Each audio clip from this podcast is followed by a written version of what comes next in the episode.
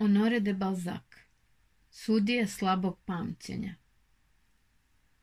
U čestitom gradu Buržu, u ono vreme dok se tamo veselio naš gospodar, koji se otad okanio da teče naslade, da bi stekao kraljevinu i zaista ju je stekao, živeo je neki gospodin sudija, kojemu je kralj poverio da održava red, i on se zvao Kraljevski studija.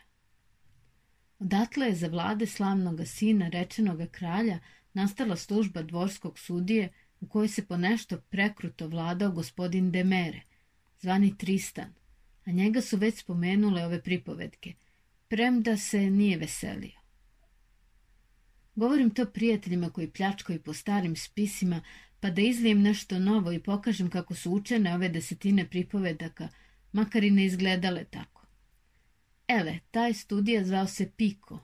Neki su govorili Pito, neki Pišo, kao narečju ok, neki Ptjo ili Ptje, kao narečju Oal, neki Ptito i Ptino ili Ptinjo, kako se zove u limuzenu, ali u buržu se zvao Pti.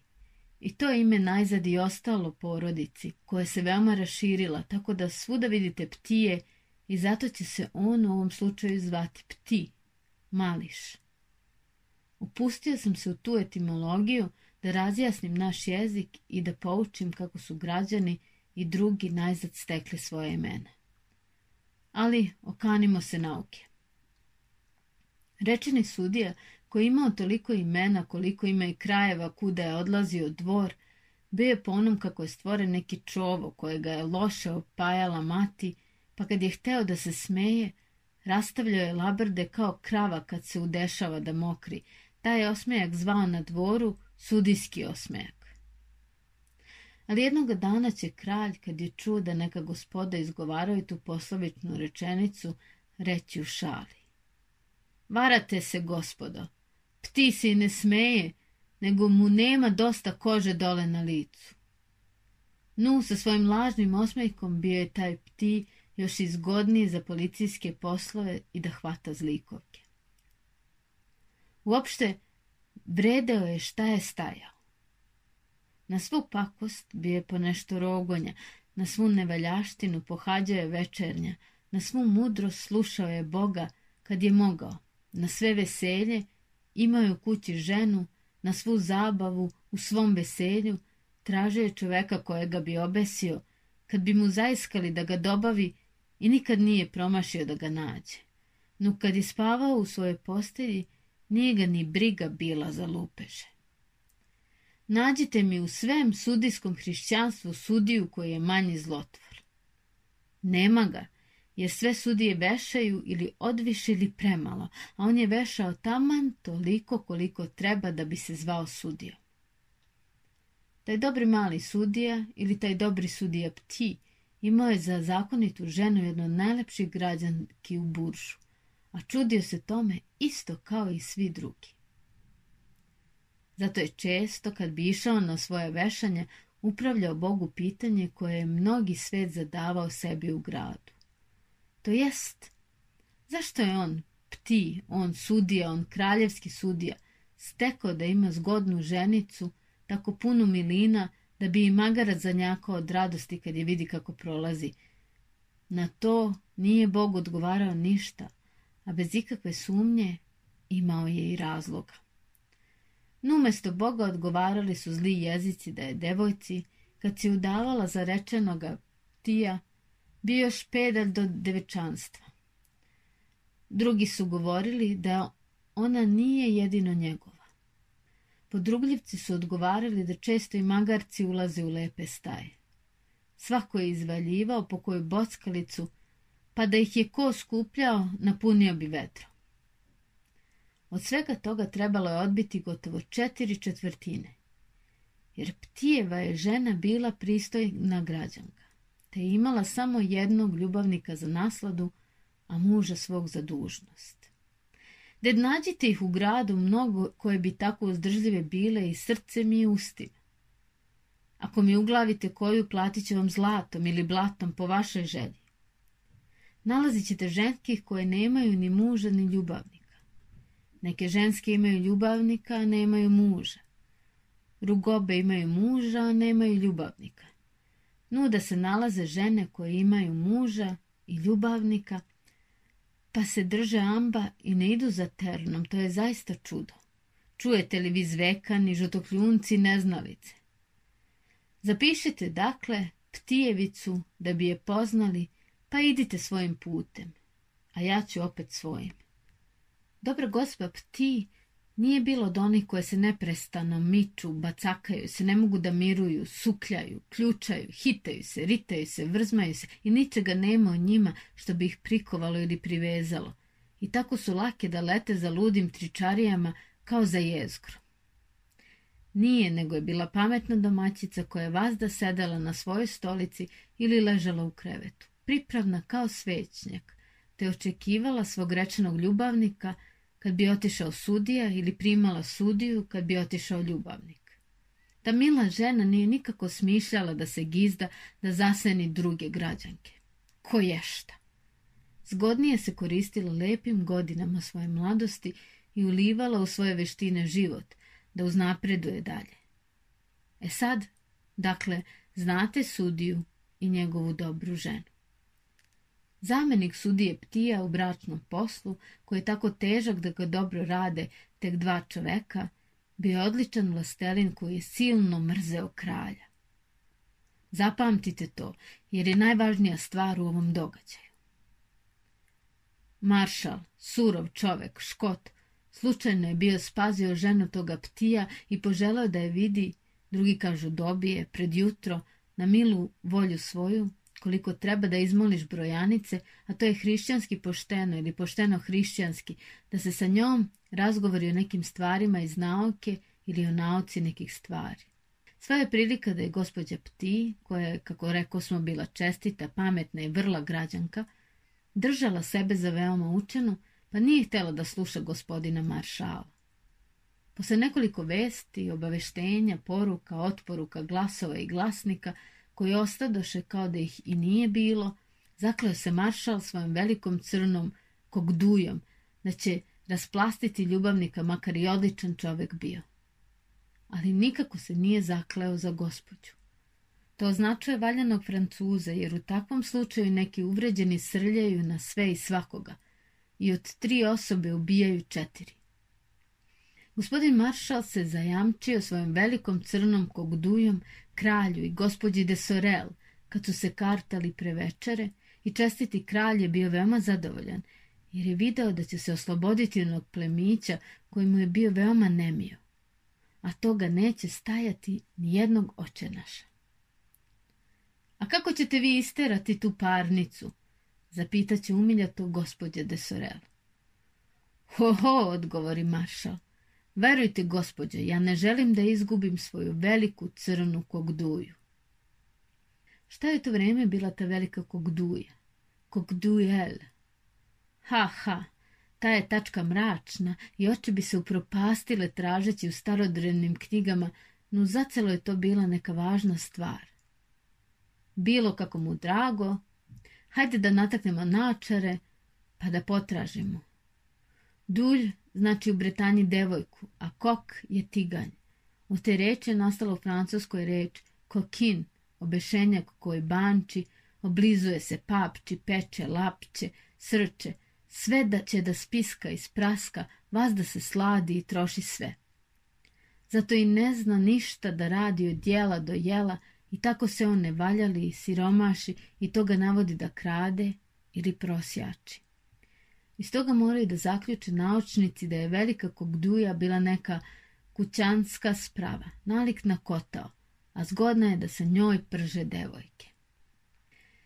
E pa, prihvati reč maršal, a to je bi gospodin de Richmond, ja ću reći tome sudiji neka na jedan dan i noć ode iz grada i u službi kraljevoj pripazi napolju na neke seljake koji su sumnjivi da se englezima snuju o izdaji. Kad onda moja dva goluba doznadu da je otišao njihov čovo, obradovaće se kao vojnik muštranju, a dok oni budu u slasti potegnuću ja sudiju Poslaću ga u ime kraljeva, neka pretrese kuću gde je taj par i neka u pravi čas ubije našeg prijana koji bi da njemu jednome bude onaj fratrić. Šta je to? zapita lepotica dama. Pogađajte, odgovori kralj smeškajući se. Hajdemo večerati, reći će gospođa Agneza. Vi ste nevaljalci koji isti mah vređate i građanke i fratre. Čestita ptijevica je odavno već je želela da se nauživa cele jedne noći i da skokne u stan onome gospodinu gde je mogla da viče na sav glas, a da ne budi susede, jer se u sudijinoj kući bojala buke i samo je kraducala ljubav. Stiskali su se u zagrlje i pomavno se sljubivali usnama, nije se usuđivala ni da udari sitnim kasom, a želela je trku da sve ori topot. Sutradan, dakle, oko 12 sati, pocaka sluškinja lepe građanke gospodinovoj kući da mu javi odlazak sudijin i reče tome gospodinu ljubavniku, od kojega je dobivala mnogo darova i zato ga nije ni najmanje mrzila, neka se spremi za milovanje i za večeru, jer će večera sudijina kancelarija biti zacelo kod njega, i gladna i žedna. Dobro je, odgovori gospodin. Kaži gospodarici da kod mene neće nikako postiti. Paživi prokletoga maršala koji su vrebali oko kuće videše da se ljubavniku dešava, snabdeva se pićem i jelom, te odoše i javiše svome gospodaru kako se sve slaže sa njegovom srđbom. Kad je to čuo čestiti maršal, protrlja ruke, misleći kako će na njih navaliti sudija. Naloži mu dakle po naročitoj zapovesti kraljevoj neka se vrati u grad, da u kući rečenog plemića uhvati nekog engleskog lorda na kojega sumnja da kuje neku veoma mračnu zaveru. No, pre nego što izvrši taj nalog, neka dođe u kraljevski dvor da se dogovore o uljudnom postupku koji je potreban u tome poslu. Sudija, veseo kao kralj što će se dogovoriti sa kraljem, Požuri se toliko da je stigao u grad kad su ljubavnici tek bili zazvonili na svoju večernju. Gospodar rogovaca i susednih zemalja, koji je đavolji gospodar, tako je valjano udesio stvari da se ptijevica na najlepši način razgovarala sa svojim ljubljenim plemićem, baš onaj mah kad se njen gospodin muž razgovarao sa maršalom i kraljem i bio veoma zadovoljan, što je redak slučaj u braku. Govorio sam gospodaru, reći će maršal sudi kad je ušao kralju u odaju, da svaki čovek u celoj kraljevini ima pravo da ubije svoju ženu i njena ljubavnika ako ih zatekne u preljubi. Ali naš je gospodar blag, te izjavljuje da se sme ubiti samo jahač, a ne smeat. Šta bi vi dakle čestiti sudi uradili da slučajno najđete na čoveka koji šeta po ubavoj livadi na kojoj po ljudskim i božanskim zakonima vi jedini smete da zalivate i negujete cvet. Ja bih poubijao sve, odgovori sudija. Smrvio bih svih petsto hiljada vragova u njoj i cveće i seme i vreću i čunjeve i kugle i zrnevlje i jabuke i travu i livadu i ženu i muškarca. Krivo biste učinili, reče kralj. To se protivi crkvenim i kraljevinskim zakonima. Kraljevinskim je biste mi oteli jednog podanika, a crkvenim jer biste nedužno, nekršteno dete otpravili u predvorje pakleno. Gospodaru, ja se divim vašoj dubokoj mudrosti i vidim zaista da ste vi središte svakoj pravdi. Ne smemo dakle da ubijemo nikoga osim kavaljera. Amin, izgovori mašal, ubijte jahača. Otidite brže ko sumnjičenom plemiću, ali pripazite da vas ne navedu na tanak led, a nemojte da promašite ono što sleduje tome gospodinu. Moj ti sudija, misleći da će jamačno postati kancelar u Francuskoj ako dobro izvrši nalog, pohita iz dvora u grad, skupi svoje ljude, dođe u plemićev dvor, postavi tamo svoje oružane ljude, zaposedne žandarmima, izlaze iz kuće, otvori ume kraljevo, tihano uzvere se u stepenice. Zapita sluge gde je gospodar. Uapsi ih, popne se, sam i pokuca u vrata na sobi gde su se ljubavnici borili oružjem koje vi znate i progovori. Otvarajte, u ime našega gospodara kralja. Građanka poznade svoga muža i poče da se smeška, jer nije očekivala te kraljev nalog da radi ono što se reklo. Ali posle smeha nastade strah.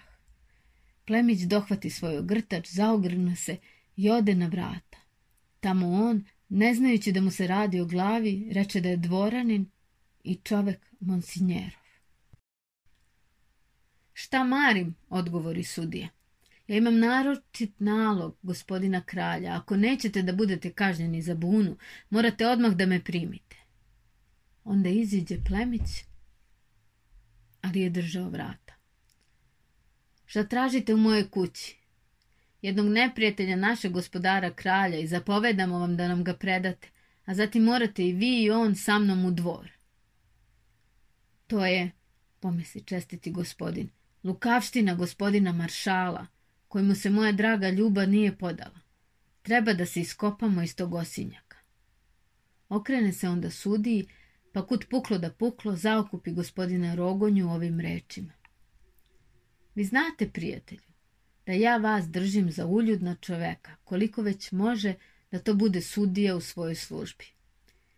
Bih li se, dakle, smeo pouzdati u vas? Kod mene je u krevetu najlepša dvorska dama. Što se tiče Engleza, ne bih sa njima mogao da poslušim gospodina de Rišmonda, koji vas šalje u moj dvorac. To je, da vam reknem što je glavno, poteklo iz opklade između mene i gospodina maršala koji opkladi ortak sa kraljem. Njih su se dvojice opkladili da će doznati ko je moja ljubavnica, a ja sam se opkladio protiv njih. Niko ne mrzi jače nego ja Engleze koji su oteli moje gospodije u Pikardiji. Zar to nije verolomstvo dizati pravdu protiv mene? Hej, hej, gospodine maršale, komornik vredi koliko i vi, a ja će vas osramotiti. Dragi moj pti, ja vam dopuštam da po miloj volji ceo dan i noć pretresate sve kutove i zakutke u mom dvorcu.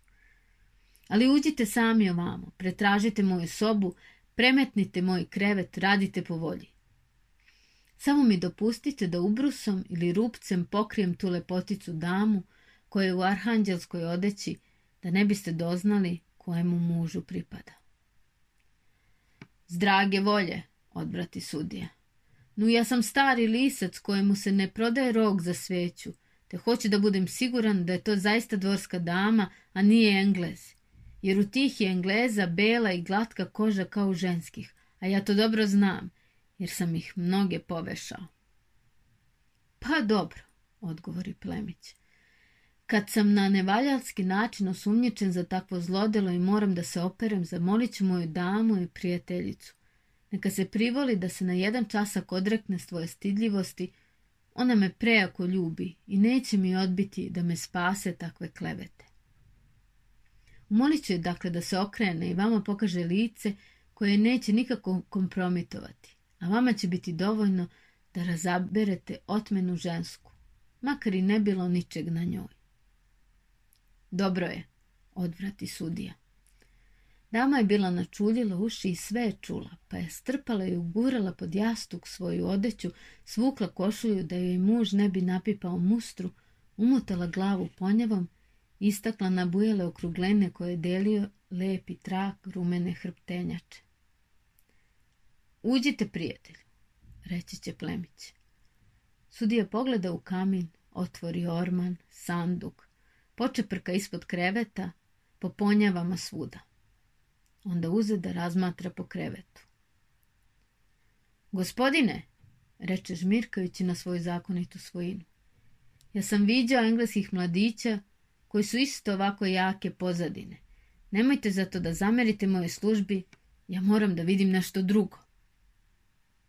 Šta krstite vi nečim drugim? zapita plemić. Pa drugo lice, ili ako vas volja lice onoga drugoga. Onda dopustite da se gospođa pokrije i tako se namesti da vam pokaže što manje od onog što je naša sreća. Reći će plemić, znajući da građanka ima neke mladeže koji bi se lako raspoznali. Okrenite se dakle malo da moja draga dama udovolji pristojnosti. Dobra ženica se nasmeši svome prijatelju, poljubi ga za veštinu njegovu, udesi se zgodno, a muž, kad je ugledao ono što mu žena nije nikad dopuštala da vidi, potpuno se uveri da ni jedan englez ne može imati takvih kontura, nego jedino koje je dražesna engleskinja. Jest, gospodine, šapne on u uho svome zameniku. To je zbilja dama sa dvora, jer naše građanke nisu tako pošumljene ni tako ukusne. Kad je dakle pretražio kuću i nije u njoj našao nikakvog engleza, čestiti se sudije vrati, kako bi mu rekao maršal u kraljev dvor. Je li ubijen? zapita maršal. Ko? Onaj što vam je na čelo nasadio rogove. Ja sam video samo jednu žensku u krevetu toga gospodina koji se sav dao naslodu sa njom. Video si rođenim očima tu ženu, prokleti rogonja, a nisi ubio svoga suparnika. Nisam video ženu, nego neku dvorsku damu. Video i razabrao soba dve strane. Šta biste vi da reknete tim rečima, zapita kralj koji je pucao od smeha. Velim da prosti vaše veličanstvo, ja sam pregledao i gornju i donju stranu. Ti dakle ne znaš lice ženinim stvarima, ti matori, nespretnjače bez pamćenja. Ja odviše cenim u moje žene ono o čemu vi govorite da bih hteo videti. Ona je i tako pobožna da bi pre umrla nego što bi pokazala i trunka svoga tela. Pa to i nije stvoreno, primeti kralj, da se pokazuje. Ti stara škljoco, da to je bila tvoja žena, reče Maša.